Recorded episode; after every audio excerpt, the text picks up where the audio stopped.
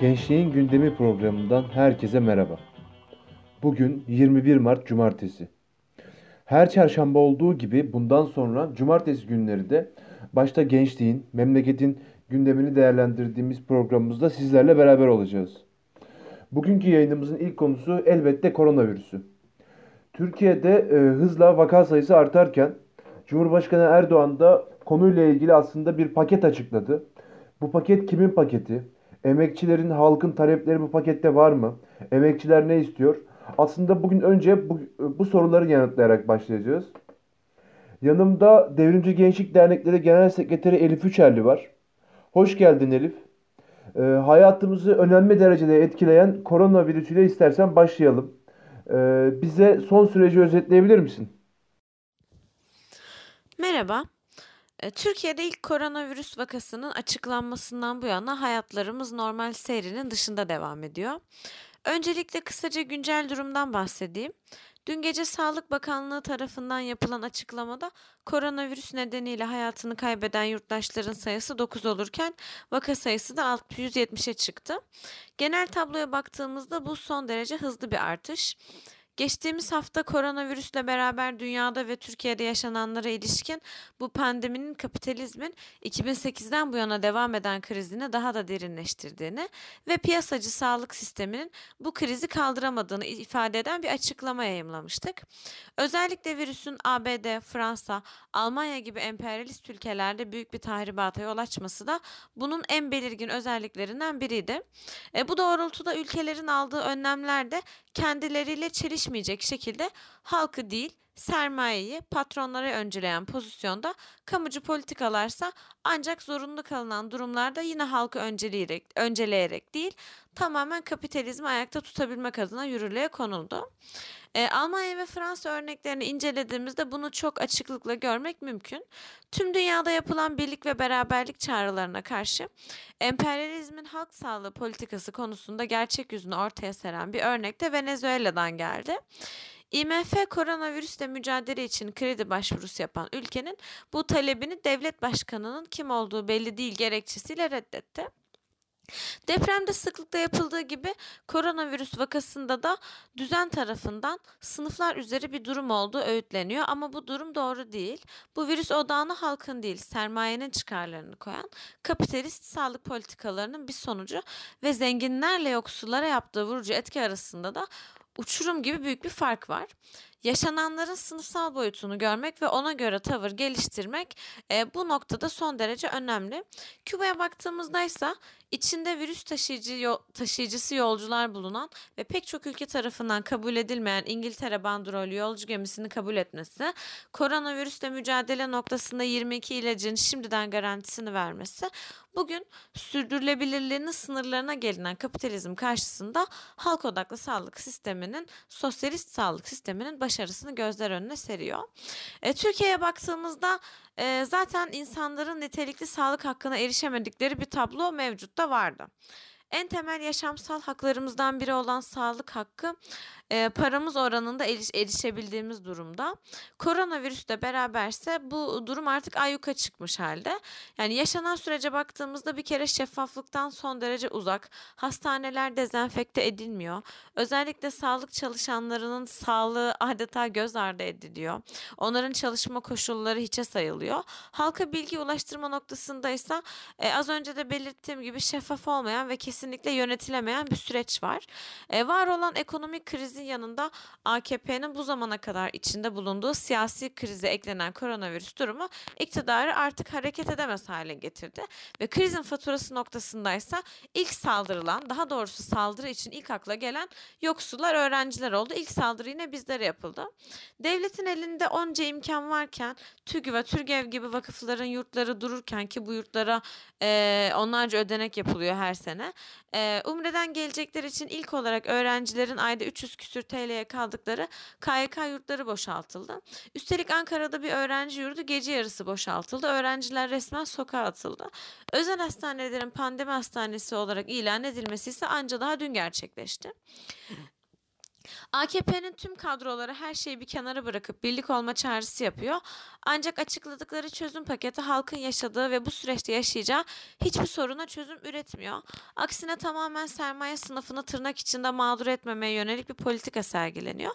Sadece bu da değil. AKP süreci resmen fırsata çevirmenin peşinde. 16 Mart günü resmi gazetede korunan alanların tespit, tescil onayına ilişkin usul ve esaslara dair yönetmelikte değişiklik yapılmasına dair yönetmelik yapı yayımlandı. Yönetmelik değişikliğiyle doğal sit alanları kategorilerinde olan işte nitelikli doğal koruma alanları ve sürdürülebilir koruma ve kullanım alanları ve anıt ağaçların ayırt edici özellikleri ve tanımları değiştirildi. Kısacası sit alanları rant açıldı. Zaten ilk korona vakasının Türkiye'de açıklanmasının üzerinden daha 3 gün geçmeden Salda Gölü'ne yapılacak olan e, Salda Gölü'ne yapılacak millet bahçesi için iş makineleri getirilmişti.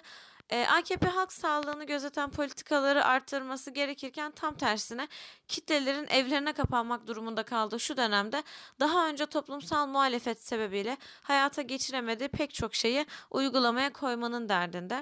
Yine hayata geçirilen uygulamalardan birinin hapishanelerde iki haftalık görüş yasağı olması bunun en önemli örneklerinden birisi. Hemen e, burada araya girmek istiyorum. Bize son süreci özetledin. Peki aslında Erdoğan'ın yaptığı açıklamaları da göz önüne alarak e, biz yani ücretli çalışan emekçiler, öğrenciler ne istiyor? AKP ne diyor? AKP ne yapıyor? İstersen buradan devam edelim. 3-4 gün önce Çankaya Köşkü'nde Cumhurbaşkanı Erdoğan başkanlığında koronavirüsle mücadele eşgüdüm toplantısı yapıldı. Bu toplantı sonucunda Erdoğan'ın Avrupa ülkelerine göre iyi durumda olduğumuzu ve kısaca bu sürecin sonunda Türkiye'nin bir yatırım alternatifi haline geleceğini iddia ettiği konuşmasının yanında virüsle mücadele adına 100 milyar TL bütçe ayrıldığı ifade edildi ve Ekonomik İstikrar Kalkanı adlı 21 maddelik bir plan açıklandı. Plandaki maddelere baktığımızda büyük oranda sermaye sahiplerinin çıkarlarını çıkarları gözetilirken halka yönelik dişe dokunur bir madde dahi yer almıyor. Pek çok özel sektör çalışanı şu an işverenleri tarafından zorla yıllık izne çıkarıldı. Yıllık izne çıkarılmayanlarsa ücretsiz izne çıkarıldı. Kaldı ki Türkiye'de güvencesiz şartlar altında çalışan çok büyük bir kesim mevcut. Onların durumundan bahsedilmiyor bile. Bunun yanında işverenlerin bu durumu fırsat bilerek işten attığı çok sayıda emekçi de mevcut. Bu tabloda insanlar kira, fatura gibi en temel giderlerini karşılayamıyorlar ve iktidarın attığı en ufak bir adım ve iktidarın e, bu noktada attığı en ufak bir adım bile yok. İnsanlar yaşadıkları belediyenin ve ev sahiplerinin insaniyetine mahkum edilmiş durumdalar. Türkiye'de emeğiyle geçinen pek çok yurttaş banka ve kredi borçlarıyla karşı karşıya ve sabit bir geliri olmadan bu borcu ödemeye devam ettir bu borcu ödemeyi devam ettirmeleri mümkün değil. 21 maddelik pakette ise halkın bu sorunlarını gidermeye dair herhangi bir madde yok. Tüm kolaylıklar işverenlere yönelik alınan önlemlere baktığımızda e, sürekli kişisel hijyenin artırılması, sosyal mesafenin azaltılması ve insanların zorunlu olmadıkça evden dışarı çıkmaması telkin ediliyor. Ancak hijyen malzemeleri insanlara ücretsiz sağlanıyor mu? Hayır. Kara borsacılık durdu mu? Hayır. 2 liralık makarna internette 15 TL'ye satılıyor. Üstüne bir de buna indirimli fiyat deniyor. Pek çok zorunlu alanda çalışan emekçi her gün işe gidip gelmek ve evde evden çıkmak zorunda. Çalıştıkları yerde hijyen kuralları hiçe sayılıyor. Dezenfektan ürünlerini en ön raflara koyan mağazalar kendi çalışanlarının sağlık koşullarını hiçe sayıyor. Dün Vodafone çağrı merkezinde çalışma koşullarının ne kadar kötü olduğunu Twitter hesabından paylaşan bir yurttaş mesela işten atıldı.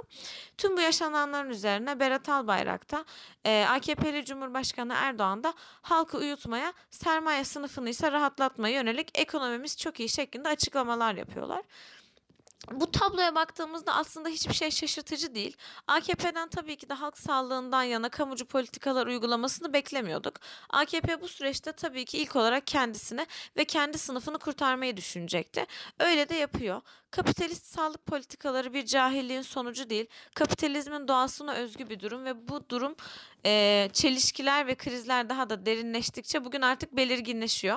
Mevcut tablo bir tesadüf değil, bir sonuç e, ve bugün bu sonucun bedeli yine emekçilere ödetilmeye çalışılıyor. Kamucu politikalarsa yine yukarıda bahsettiğimiz gibi sermayenin kendini kurtarmak için artık son çare olarak başvurduğu politikalar olarak karşımıza çıkıyor. Bunlara bir tercih olarak değil, halkı e, düşündükleri için değil, kendilerini kurtarmak için bir zorunluluk olarak artık başvurmak durumunda kalıyorlar. Kapitalizm dünyanın dünyanın hiçbir yerinde halklara dost olamaz.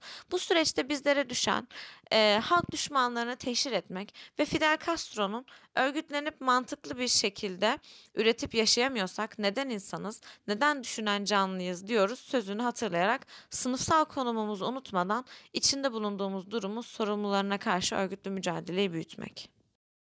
Ee, peki, çok teşekkür ediyorum. Bize hem süreci özetledin hem de emekçilerin, öğrencilerin, gençliğin perspektifinden süreci nasıl değerlendirmemiz gerektiğini, ne yapmamız gerektiğini anlattın. Aslında bu yoğun gündemde çok da göz önüne gelmeyen önemli bir gelişme yaşandı. Ben ondan bahsetmek istiyorum önce. Onu sormak istiyorum. Kavaklık direnişi kazanımla sonuçlandı. Son olarak istersen e, Kavaklık'tan, üniversite öğrencilerinin direnişinden bahsederek bitirelim. Bunun yanında bugün 21 Mart, Demirci Kava'nın zalim DHK'a karşı başkaldırılışının ve Bahar'ın müjdelenişinin günü. Bugün de dünya halkları hala modern dönemin DHK'larına karşı mücadele etmeye devam ediyorlar. Her sene 21 Mart'ta alanları dolduruyor, Nevruz'u coşkuyla kutluyoruz. Bu sene içinde bulunduğumuz koşullar sebebiyle maalesef bu mümkün olmadı.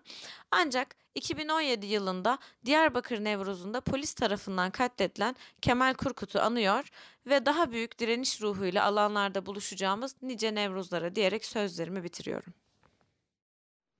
Evet, derneğimizin genel sekreteri Elif Üçer ile beraberdik. Sevgili yoldaşımız Elif'e çok teşekkür ediyoruz. Yayınımız Devrimci Gençlik Derneklerinden Büşra arkadaşımızın kültür sanat bölümüyle devam edecek. Sözü e, ona bırakmadan e, her hafta söylediğimi tekrar yinelemek istiyorum buradan. Bizi artık cumartesi günleri de saat 6'da Yolculuk Radyo'dan ve Twitter'dan canlı olarak dinleyebilirsiniz.